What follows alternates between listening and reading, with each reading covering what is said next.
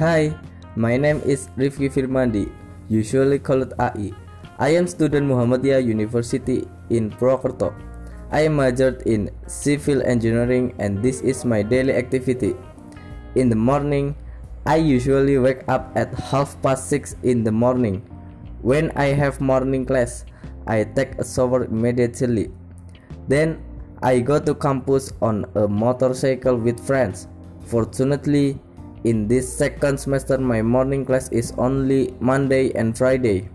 After college, we always eat together and we often gather together to talk about funny things while waiting for the next class. Sometimes if there is an assignment I usually do it after dinner with friends.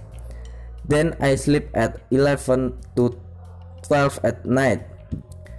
And I always do this activity on Monday to Friday. And on weekends I go home to release the longing for parents, especially my mother. When the weekend I just lay down to spend time in bed because the weekend is the best time to rest. And that is my daily activity.